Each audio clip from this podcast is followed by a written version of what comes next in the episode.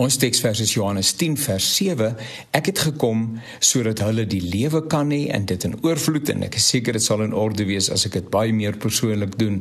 Ek het gekom sodat dat julle die lewe kan hê. Ek het gekom dat jy die lewe kan hê en dit in oorvloed. Die oorvloedige lewe. Ons praat en droom daaroor. Ons preek en teoretiseer daar ons. Ons bid selfs daaroor, maar dit voel asof dit ons altoos ontwyk toegegee. In 'n sekere sin is ons altyd op soek daarna, waar die belofte van oorvloede ontvouende werklikheid.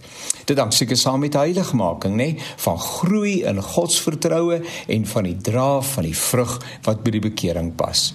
Mens, hoe ontsluit ons daardie oorvloedige lewe kan 'n mens vra?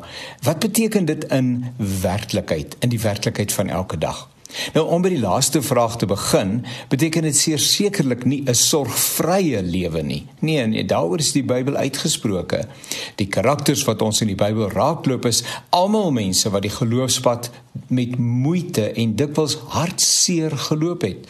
Ons kan dus oorvloed beleef te midde van aanvegting en swaar kry.